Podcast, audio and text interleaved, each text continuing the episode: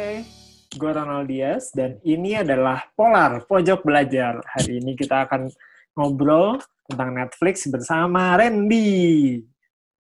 Halo semuanya. Ya. Nah, Ya, gimana nih kita mau mau mau ada cerita apa nih soal Netflix? Iya, Kan? jadi- sebagai sebagai salah satu penggemar berat Netflix kan katanya Mas Ronald Diaz nih. iya, jadi sebenarnya tuh gue tuh pengen banget nih ngebahas tentang Netflix gitu, karena dia kan sebenarnya kan multi billion dollar company ya. Terus dia tuh udah Ah. merevolusi cara kita nonton film sama serial TV nih berapa apa eh, dari berapa tahun kebelakangan, berapa dekade kebelakangan. Nah, sebenarnya tuh ini awalnya kenapa gue tertarik sama si Netflix karena selama tiga bulan ke belakang ya dari sejak WFH gue teh Hmm. mengalihkan budget nonton bioskop bulanan gue jadi langganan nonton Netflix. Jadi kan nggak bisa nih kita di- Oh. ke bioskop nih. Terus ah ya udahlah, Yo. gue mengalihkan budget gue lah buat buat langganan Netflix gitu. Nah dari situ Hmm. sejak itulah gue baru kayak oh terobsesi lah gue mempelajari cara si Netflix ini untuk tetap agile sama relevan gitu di era yang sebenarnya kayak Ka- penuh disruption ini sampai saat ini. oh, kagum loh ya. Kagum gue, kagum. Anjay. Nah, Dari terus jadi nah, gimana nih si, Net- si Netflix nih, ini historinya gimana sih? Jadi yang gue suka tuh sebenarnya si Netflix ini tuh eh, dia tuh sering banget udah berapa kali pivot bisnis sebenarnya. Jadi kan kita ngeliat oh ya kayaknya dia udah ajak nih dari dulu bisnis modelnya seperti itu. Kagak ternyata. Jadi dia kan sebenarnya Hmm. startnya di tahun 97 kan. Sebenarnya produknya itu Hmm. adalah rental DVD via pos. Mereka tuh. Hmm. Jadi mereka tuh terkenal sama amplop merah yang merupakan si amplopnya itu adalah prepaid envelope gitu. Jadi konsepnya kalau kita mau nyewa film, pesennya online. Jadi nggak nggak nggak datang ke blockbuster gitu yang kayak, ayo kita masuk ke blockbuster milih-milih filmnya enggak. Dia yang menawarkan pertama itu lo mesennya online aja gitu. Dan kalau lo pesennya Itu dari online, tahun 97 itu. itu 97. Dia dari 97. Padahal dulu World Wide Website itu kayaknya belum in banget ya. Eh, di Indonesia. gua gua inget loh, gua ngakses pertama internet itu buka situs pokemon.com tau gak lo Iya, iya.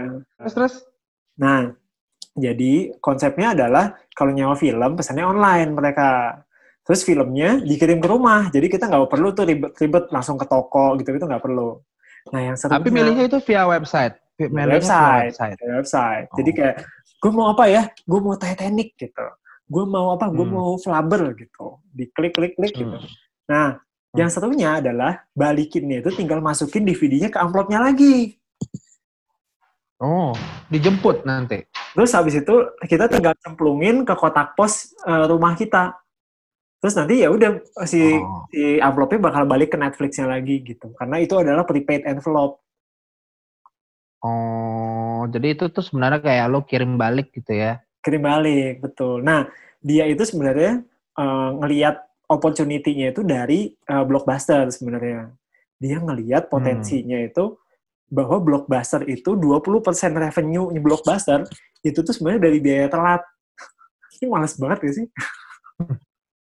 Lo inget gak kayak gue tuh kayak gue teh gue bahkan ketika gue ke di perpustakaan ya balikin buku terus telat terus harus bayar biaya gue lebih baik tidak datang ke perpustakaan itu lagi sebenarnya Dan dan dan ini apa namanya? Mendingan gak dibalikin malahan. mendingan kan nggak dibalikin soalnya harganya jadi mahal banget kan kayak anjir gue bisa beli ini nih PS nah jadi kan orang-orang kan dia ngeliat nih wah eh, orang-orang tuh pada malas banget sebenarnya apa eh, bayar biaya telat ini gitu.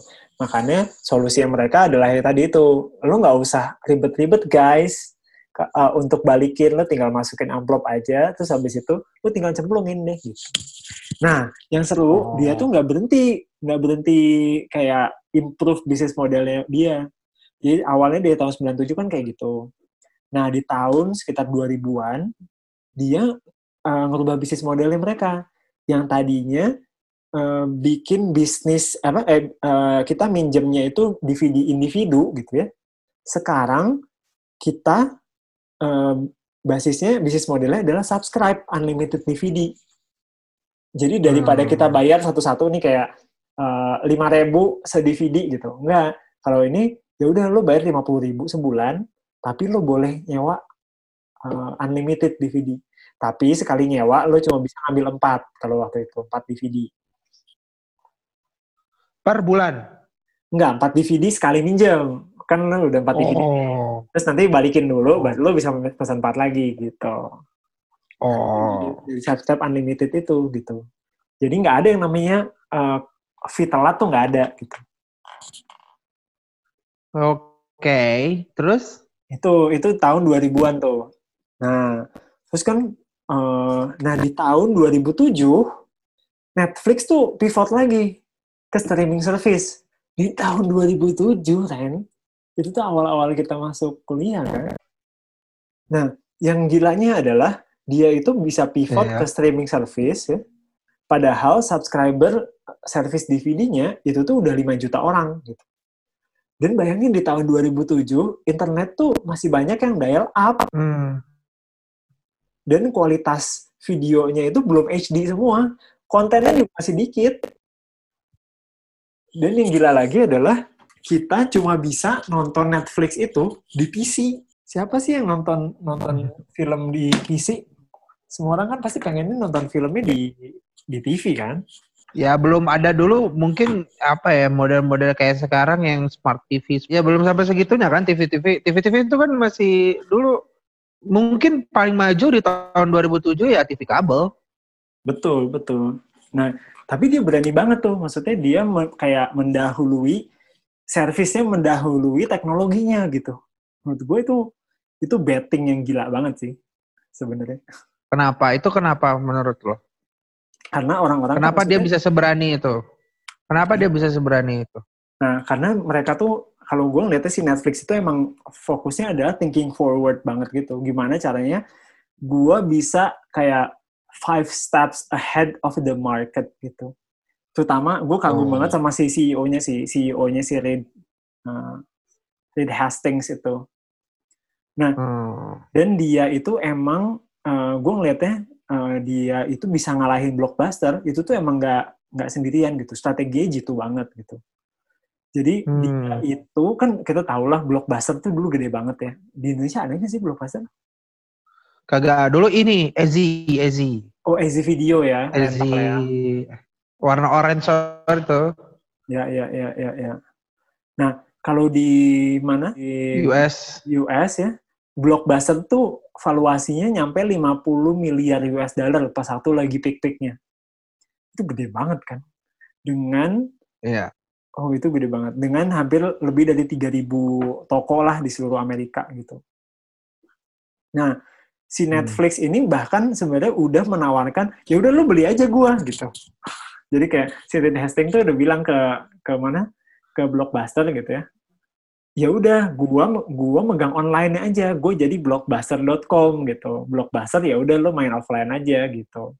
Nah, dia nawarinnya oh. Untuk beli Netflix, Blockbuster tinggal beli 50 juta, 50 juta US dollar. Eh, oke, okay, oh. 50 juta US dollar, lo dapat 50% Netflix lah, kata dia. Dan Netflix bakal jadi blockbuster.com gitu. Tapi kata si blockbusternya, hah? Ngapain gue beli lo? Mending gue bikin sendiri aja. nah, itulah kesalahan pertama dari blockbuster. Nah, yang serunya adalah dia kan start dari tahun 97 ya. Dan bayangin 9 pas 197, itu tuh yang pakai DVD juga masih baru tahun 97. Dan harga playernya tuh masih mahal lu punya, lu punya DVD player tahun berapa, Ren? Gua SMP. SMP, SMP tuh gua. 2001. Mulai mulai ya? beli-beli apa? Uh, eh, DVD-DVD karena gua otaku kan. Ada. Jadi ada beberapa DVD-DVD anime yang nggak ada gua dapetin di Animax. Ya gua beli langsung gitu sama ya DVD-DVD yang aneh-aneh lah. Bokep. enggak lah, enggak. Discover Channel, Discovery Channel yang yang aneh-aneh mendidik. Oh, mendidik iya iya. Bohong sih. Tapi ya ya DVD tahun 2000 sekitar segitu lah ya. Itu lagi semarak-semaraknya karena kan uh, harga DVD waktu itu di Indonesia bajakannya murah kan, cuma Ya. 6.500. Nah, pas satu awal-awal tahun 2000-an itu DVD player kan emang masih mahal, mahal banget tuh katanya. Jadi kayak masih 1000 dolar gitu. Karena kayak oh masih orang-orang tuh masih pakai VHS atau VCD lah karena masih Hmm. masih maraknya kan itu gitu. Nah, si Netflix itu untuk bisa kayak apa me, apa masuk ke marketnya, dia itu collab sama pabrikan DVD player gitu. Jadi kayak misalnya LG, Fujitsu, Samsung, Sony, Panasonic Hmm. gitu yang yang bikin DVD player. Nah dia itu kerjasama sama mereka. Jadi kalau beli DVD kita tuh langsung pas buka kotaknya gitu ya, kita langsung dapat voucher rental DVD Netflix. Jadi kayak oh nggak usah beli DVD gitu karena DVD original kan mahal ya. Jadi kayak ya udah lo lo langsung jadi ini langsung jadi eh, bisa rental DVD ke Netflix gitu. Good marketing sih itu keren. Iya. Nah dia tuh emang emang collab banget sih gue ngeliatnya ya. Dan ini juga dia praktekin buat ngalahin si blockbuster itu gitu. Jadi ketika di 2004-2005 itu ketika blockbuster mulai online setelah menolak Netflix ya kan. Netflix tuh kerjasama sama Amazon gitu, untuk saling promote. Oh. Jadi si Amazon bilang, eh, si Netflix bilang, udah Amazon, lu fokusnya fokusnya adalah beli online DVD gitu. Jadi kalau orang mau beli online DVD, ya di Amazon.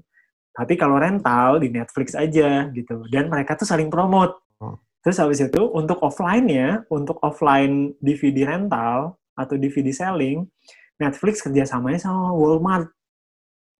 Jadi Oh. si jadi si gimana entah gimana caranya si Reed Hastings ini tuh bisa me, bisa meyakinkan Walmart gitu untuk udah lu fokusnya ke jualan aja sama rental offline buat online ya kasih ke Netflix gitu itu apa lobby lobbynya menurut gue gila sih Iyalah, Walmart kan udah raksasa tuh pasti. iya Sampai nah, sekarang juga raksasa kali. si enggak maksudnya si Netflixnya bisa meyakinkan Walmart hebat Iya, banget. makanya kan maksud gue, maksud gue itu hebat loh. Maksud gue Heeh, heeh. ya Netflix kalau sama Walmart ya siapa lu gitu kan? iya betul gila sih Atau ba atau bahasa ini ya apa ya nama bahasa. Soalnya gue juga pernah waktu itu eh gue mau kerja sama sama brand apa gitu ya agak gede terus udah gitu eh, u- ujung-ujungnya mereka akan bilang ini siapa bantu siapa. Edan. Oh iya iya.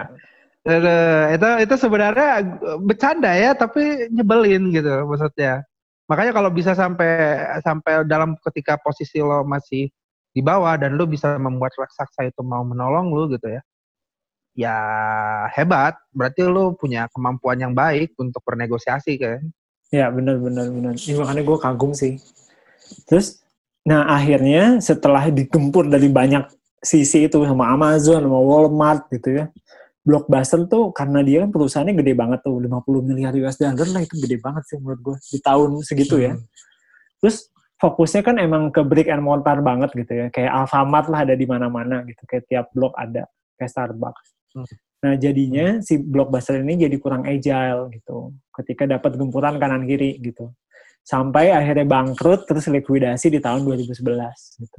Dan yang lucunya adalah di tahun 2010 si Netflix itu ngebalikin.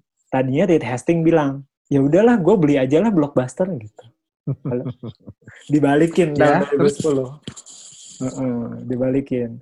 Tapi nggak jadi, nggak jadi dibeli karena eh, ngomongin tentang antitrust law. Jadi katanya ketika Blockbuster sama Netflix gabung, itu bakal lebih dari 50% eh, market eh, video rental gitu. Dan itu ada ininya lah hukum anti monopoli lah di Amerika. Gitu. Makanya Hmm. nggak jadi. Nah, balik Hmm. lagi yang setelah ngomongin yang collab-collab itu, kan di tahun 2007 kan kita cuma bisa nonton di PC nih yang streaming kan.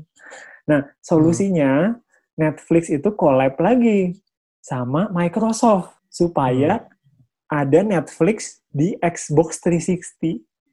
Jadi orang bisa nonton Netflix di TV pakai Xbox. Gila, anjir gue gue kagum sih. Tapi tapi itu juga sama sih di PlayStation juga lo bisa nonton Netflix. Nah, habis itu baru diikutin sama Sony dan Nintendo. di di PlayStation 3 sama Nintendo Wii. Gitu. Ya, mungkin karena kan di Xbox itu kan memang dia lebih berkuasa di daerah US ya. Mm-mm, betul. Game-gamenya juga lebih mature sih. Memang kalau dibandingkan Nintendo sama PlayStation itu game-gamenya lebih mature Xbox. Mm-mm. Sama dari sejak Xbox 360, Wii sama PlayStation 3, mereka udah jadi kayak apa? whole entertainment system dibanding kayak cuma gaming doang gitu. Iya, betul sekali. Iya. Terus, nah, terus? si nah yang gue suka itu adalah ketika dia memutuskan kolaborasi sama Xbox itu, dia bisa ngerubah cara orang nonton. Jadi tadinya kayak eh, cuma bisa nonton di PC gitu, sekarang jadi bisa di TV gitu. Dan sejak itu makin banyak cara cara orang buat nonton Netflix gitu di TV. Nah, hmm. itu kan tadi dia udah pivot tuh. Tadi ya pivot uh, apa uh, bisnis model yang apa via pos Terus habis itu dari DVD individu berubah jadi subscribe unlimited. Dari subscribe unlimited terus saya itu berubah lagi jadi streaming di tahun 2007. Hmm. Nah, terus habis itu di tahun 2009 di industri film itu kan ada peraturan yang ngatur tentang film distribution. Hmm. Nah, si distribution law ini itu tuh isinya bahwa film baru itu ada tahapannya pertama harus masuk bioskop dulu. Lo film tuh harus launch di bioskop dulu. Habis itu baru setelah berapa minggu di bioskop, habis itu baru ma masuk ke DVD. Gitu. Habis baru habis DVD, barulah streaming service tuh bisa bidding gitu untuk dapat lisensinya. Gitu. Nah, si Netflix karena emang anaknya agile banget ya, dia tuh mempertanyakan segala hal sesuatu gitu. Terus dia bilang, kok gue lah gue berarti kan gue cuma dapat ampas-ampasnya doang dong gitu ketika apa nggak bisa nggak pernah dapat film baru gitu jadi gue dapetnya ya udah film-film yang nggak update terus dong si streaming service gue gitu akhirnya si Netflixnya bilang fuck this shit ya udah gue bikin film sendiri aja akhirnya dia hmm. pivot lagi dari tadinya fokusnya ke IT ya bikin streaming service platform terus habis itu dia uh, pivot untuk eh, mengalokasikan uh, hampir 12 miliar US dollar itu untuk uh, produksi film sendiri yaitu si Netflix Originals itu yang sekarang kita hmm. tahu lah kayak House of Cards gitu Stranger Things gitu. Dan dengan punya hmm. konten eksklusif dan intellectual property sendiri bisnis modelnya juga jadi berubah lagi. Dan itu naikin banget valuasi si Netflix gitu. Karena dia hmm. udah bisa ngelihat di tahun 2009 gitu. Dia dia udah bisa ngelihat bahwa yang bisa menguasai streaming service ini itu adalah content maker. Jadi tergantung kontennya ini gue ada yang menarik ya soal tentang uh, apa ya namanya perusahaan-perusahaan yang bisa membaca new wave kayak gini kan. Mm-hmm. Soalnya gue waktu itu bilang uh, apa ya ada satu dosen gua dulu waktu kuliah S2 yang dia bilang bahwa uh, the new startup itu ada uh, innovation startup itu akan selalu lahir paling banyak itu di Silicon Valley. Kenapa? Karena mereka sebenarnya punya keduluan dapat lifestyle yang apa ya namanya yang lebih dulu yang mereka bisa baca dibandingkan di negara-negara kayak kita. Dia suka salah satu yang ngetawain ya kalau misalnya uh, ada satu startup di bukan ngetawain ya dia lebih suka kayak emang bisa gitu perusahaan Indonesia itu bisa menjadi salah satu pionir yang nantinya impactnya ke global gitu. Nah, hmm. gue juga ngelihat sebenarnya ya salah satu hokinya perusahaan-perusahaan kayak gini itu untuk kenapa mereka bisa baca new wave ya karena mereka bisa tinggal di lingkungan yang memungkinkan seperti itu sih. Nah, nggak tahu ya. ya. Itu uh, kalau itu kalau kata dosen gue gitu. Dan gue juga merasa kenapa sih harus harus lahir semua mostly itu dari dari Silicon Valley atau dari Amerika itu gitu. -hmm. Ya mungkin ya tadi gue bilang di, di tahun 97 kita masih masih berjuang mendapatkan internet gitu ya. Tapi mereka di tahun 97 mereka sudah ngomongin search engine gitu. Terus sudah kayak gitu di tahun 2007 mereka sudah terbiasa dengan streaming gitu. Di tahun 2007 di Indonesia TV kabel juga udah mewah ya kan Indo uh, Indovision waktu itu kan jaya-jayanya banget kan sebenarnya kalau gue ngeliatnya bukan laki sih kalau gue ngeliatnya basisnya sebenarnya tetap environment emang emang ngaruh banget itu cuma sekarang itu gue ngeliatnya uh, gap antara barat dan timur itu udah mulai menipis sebenarnya dan gue ngeliatnya hmm. sebenarnya mak makin sini makin banyak tren yang diciptakan nggak dari barat gitu kita contoh misalnya kayak uh, ini live streaming shopping channels gitu itu startnya hmm. dari dari Cina kan yang ketika yeah. ada fashion show gitu orang lewat di fashion show terus itu orang-orang nonton live terus langsung bisa beli si baju yang di di, di apa di ituin di fashion show-nya live gitu itu sih sebenarnya hmm. masuknya kan dari Alibaba gitu uh, apa yeah, yeah. Jadi menurut gue sebenarnya eh, nggak uh, harus terpaku ke barat sih karena menurut gue itu tuh apa ya sebenarnya fokus yang agak salah ketika kita uh, mematok ke geographical gitu sebenarnya yang harus di ini adalah uh, kepekaan kita gitu dalam melihat sebuah opportunity. Kemarin gue uh, ikutan ini, ikutan uh, webinar gitu ya tentang uh, tentang bisnis dalam krisis ya dan terus saya itu si webinar ini dia bilang bahwa yang namanya krisis and crisis and opportunity atau risk and opportunity is two sides of the same coin gitu kata dia. Jadi ketika hmm. orang tuh bisa aja ngelihat krisis itu ya udah lu lihat sebagai risk atau krisis gitu. Tapi seharusnya lu, lu harus lihat bahwa krisis itu sebenarnya opportunity juga gitu. Karena kita lihat hmm. semua perusahaan yang besar saat ini itu semua lahir pada saat krisis. Kayak misalnya contoh Amazon. Amazon kan pas satu internet bubble di tahun 97 98. Terus habis itu uh, Uber, Airbnb itu juga lahir di pas pas masa resesi kan di tahun 2008 ketika. Ketika orang-orang uh, unemployment rate tinggi gitu terus habis itu si Uber oh ya udah berarti semua orang mau butuh duit nih gitu. Jadi kayak mereka punya aset apa? Punya kamar di Airbnb-in gitu punya mobil nganggur di Uberin gitu. Nah itu menurut gue uh, orang menurut gue yang bisa maju gitu atau yang bisa menjadi tren atau yang the next big thing itu adalah orang-orang yang bisa melihat opportunities in crisis. Nah, si Netflix ini menarik. Gue suka banget ya, karena emang dia itu sekarang tuh budget untuk bikin kontennya itu tuh 12 miliar US dollar. 12 miliar US dollar tuh hampir 200 T, ya nggak sih? Berapa sih? Iya. itu setahun. Itu setahun. Hmm. Ya hampir 200 T.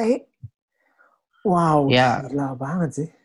Kalau misalnya budgetnya tadi Netflix itu sampai 12 miliar T, mungkin itu setara dengan uh, satu industri industri Hollywood kayaknya ya.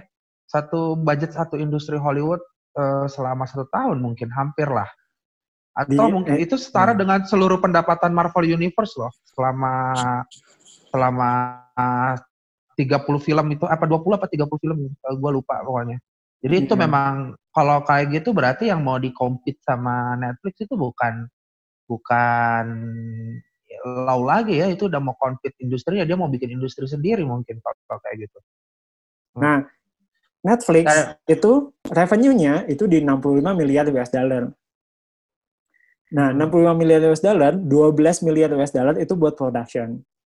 Dan dengan kayak hmm. gitu, di tahun 2018 dia masih loss 3 miliar US dollar. Gila banget.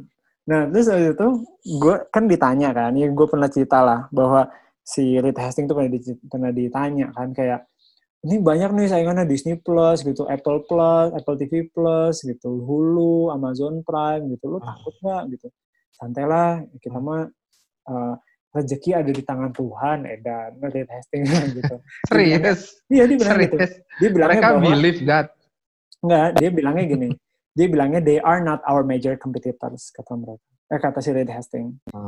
karena uh, this industry is too big to have one winner. Dia bilang gitu. Uh. dan buat Netflix sebenarnya saingan terbesar Netflix itu adalah kita mau rebutan waktu sama tidur. Hmm. Jadi bukan saingannya bukan itu, saingan gue tidur. Anjir, gue gila sih. si Reed Hastings ini menurut gue emang emang apa gue suka banget si Reed Hastings ini gara-gara emang dia apa thinking forward banget gitu anaknya gitu ketika ngeliat kompetitor gitu bukan ngelihat ke kanan kiri gitu tapi ngeliat itu ke depan gitu uh, vision visionary banget gitu. Gitu. Untuk si Netflix. Uh, lanjutin ya yang gue gue apa ngelihat sejarahnya si Netflix itu dan ternyata si Netflix ini seru banget. Maksudnya kenapa bisa kayak gitu gitu perusahaannya bisa kayak gitu? Karena dia itu bikin culture net culture company-nya tuh gila banget lah. Dia nyebutnya culture Netflix itu adalah freedom and responsibilities dia nyebutnya ada dua yang pertama adalah culture of freedom sama culture of trust nah apa sih yang disebut culture of freedom dan culture of trust gitu dia ngomong ini culture of freedom itu dia itu ngasih banyak banget kebebasan buat si ini siapa si pegawai Netflix gitu. Lo dikasih nggak ada batasan uh, cuti gitu. Kayak kalau kita kan ada cuti 12 hari 12 hari ya setahun ya gitu. Kalau dia hmm. nggak, lo dibebasin aja gitu. Lo mau hmm. mau mau tiga bulan gitu ya udah nggak masalah gitu. Salary-nya hmm. juga tinggi gitu. On top of the markets hmm. gitu. Cuma balik lagi ke hmm. freedom and responsibility uh, dia itu basisnya adalah trust. Untuk bisa mendapatkan freedom itu, itu harus ada yang namanya culture of trust. Nah, culture of trust ini tuh apa? Dibilangnya bahwa culture of trust ini adalah konteks not control. Nah, apa sih yang bedain konteks dan hmm. kontrol gitu? Konteks dan kontrol itu adalah hmm. kayak kalau misalnya kita mau ke Jakarta, kalau misalnya kita ke supirnya gitu ya, Pak, belok kanan, belok kiri, belok kanan, belok lurus pak, gini-gini. Kita nggak ngasih tahu kita mau tujuannya hmm. ke mana, itu tuh kontrol gitu. Dan biasanya orang-orang, kalau gue jadi supirnya yang di kayak kanan, kiri, lurus, itu, gue kayak ini tuh kita mau ke mana sih gitu. Gue deg-degan banget gitu. Pasti orang-orang bakal bakal tidak bakal nervous banget gitu ketika uh, kontrol gitu. Tapi ketika kita memberikan konteks, gitu, kayak misalnya kita bilang ke supirnya, Pak, saya mau ke Jakarta, tolong nyampe sebelum jam Eh, tiga sore ya terserah bapak mau hmm. pakai hmm. jalan yang mana gitu nah itu adalah konteks gitu konteks itu adalah dikasih uh, objektifnya apa tujuannya apa sama requirements untuk mencapai tujuan tersebut gitu dan Netflix itu basisnya kayak gitu nah dia kalau gue sih ada berapa ini ya berapa values dia gitu tapi gue ngelihatnya ada empat sih yang paling penting yang pertama itu dia bilang bahwa the greatest motivation of people working is contributing to success kata dia. It's not money, hmm. it's not free things, it's not free shits, it's not perks. Jadi orang-orang itu motivasi terbesarnya adalah motivasi orang uh, high performance people itu adalah contributing to success. Ketika pekerjaannya mereka tuh, oh gue tuh berpengaruh ya pekerjaan gue terhadap successing company ini gitu. Gitu. bukan hmm. perksnya tuh oh orang-orang motivasinya uang gitu enggak uang tuh ya udah bakal datang sendiri aja gitu biarpun Netflix juga apa uh, melakukan itu gitu kayak ngasih duit ngasih ini hmm. gitu. tapi motivasinya tuh datangnya dari contributing to success gitu. kata dia great hmm. atau high performance people atau high performance team love challenges kata dia gitu jadi gimana caranya hmm. Netflix itu selalu bikin gue tuh nggak bakal ngebosenin loh gitu. Nah, terus itu uh, yang kedua adalah uh, everyone should understand the business. Ini tuh kalau gue ngeliatnya hmm. ngomongin tentang transparansi sih gitu. Bahwa di Netflix hmm. tuh nggak ada yang ditutup-tutupin gitu, nggak ada data yang, gue cuma buat ini aja dipegang, dikatakan sama satu orang doang, nggak. Tapi semua harus tahu gitu karena ketika semua orang tahu semua orang tahu konteksnya semua orang tahu arahnya mau ke mana gitu dan mereka dia bilang bahwa hmm. orang-orang tuh nggak mau di entertain orang-orang tuh maunya belajar hmm. they do not want to be entertained they wanna learn katanya gitu jadi gimana caranya trans di hmm. transparansi itu semua orang tuh tahu bahwa kita apa uh, understand their role their part sama their impact dan di Netflix itu selalu hmm. bilang ada yang namanya no asshole policy katanya. jadi jadi hmm. jadi emang selalu pengen ada uh, semua orang yang ada di Netflix itu harus team player only kata dia. Nah, hmm. yang ketiga itu adalah radical honesty. Nah, radical honesty ini ngomongin tentang hmm. gimana caranya address problem se-early mungkin gitu. Supaya sebelum si problem yang tadinya kecil itu menjadi besar gitu. Jadi kayak address problem se-early mungkin gitu. Dan dia bilangnya, kenapa radical honesty? Karena gua, eh, Netflix itu selalu treat, treat everyone like an adult, kata dia. And part of being an adult hmm. is to hear the truth. Jadi nggak ada yang namanya kayak di hmm. apa dibaik-baikin gitu, nggak ngomongnya lu tuh salahnya ini, lu you should start doing this, you should stop doing this, you should continue doing this gitu. Jadi namanya direct apa feedbacknya hmm. tuh selalu direct dan konstruktif kata dia. Jadi nggak nggak cuma anjing-anjing doang juga gitu kayak lu anjing anjing anjing gitu terus kayak eh, terus gue udah dianjing-anjingin terus gue harus ngapain gitu cuma tersinggung doang gitu. Itu radical honesty. Sama yang terakhir adalah dia bikin hiring culture yang gila banget sih. Hiring culture-nya ya tadi pay top of the market gitu. Terus habis itu dia punya uh, prinsip namanya eliminate bad apples early. Gitu. Jadi katanya kalau lo ma berhasil masuk Netflix gitu ya, dan dalam waktu dua minggu lo ngerasa culture-nya nggak cocok sama lo gitu, lo bisa langsung cabut dalam waktu dua minggu, lo bisa langsung cabut tapi dapat gaji empat bulan. Terus oh, itu. Menarik sih itu Iya. Itu menarik kayak, sih. Karena menarik karena sih. nanti bakal daripada lu ngerepotin company gitu ya, susah ini nggak masuk, hmm. udah lu cabut aja gitu. Gue bayar-bayar lu nih 4 bulan. Terus dia punya prinsip namanya good goodbyes kata dia gitu. Hmm. Jadi dia selalu bilangnya kita tuh selalu pengen the right person for the right position. Dan ketika ada orang yang uh, they are the right person but not in the right positions gitu ya, ya udah berarti misalnya dia contohnya kayak dia punya engineer nih jago banget gitu. Terus pas satu dipromosi ternyata dia tuh bukan tim leader gitu. Terus ya udah ngomong aja langsung lo tuh good engineer gitu tapi kita semua tahu bahwa lo bukan tim leader gitu. Terus ya itu hmm. si anak uh, uh, apa bos Netflix itu selalu bilang ya udah lo kayaknya nggak cocok di Netflix gitu tapi kayaknya Apple lagi nyari tuh engineer gitu. Ya udah gue nulis referensi ke sana.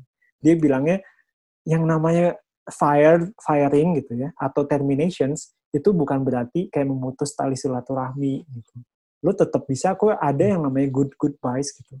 Karena yang namanya fired hmm. atau terminations, gue nggak bunuh lo, gue nggak nggak ini gitu. Jadi yang dilakukan sama si Netflix ini, dia selalu memastikan talent-talentnya mereka kalau misalnya cabut itu, itu di, bisa diterima di tempat yang sama bagusnya gitu.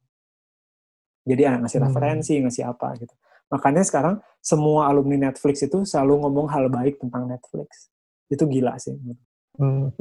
Itu menurut gue yeah, yeah, yeah. menarik, yang menarik. gila itu. Itu sih. Ya, sekian study case kita di Polar untuk uh, kali ini. Uh, bahasan tentang Netflix. Yeah. Selanjutnya kita bakal uh, bakal bahas case study yang lain yang lebih seru lagi. Gitu. Sekian dari kita dari Polar. Saya Ronald Diaz. Saya Randy. Bye. Oh, bye. Bye. Bye.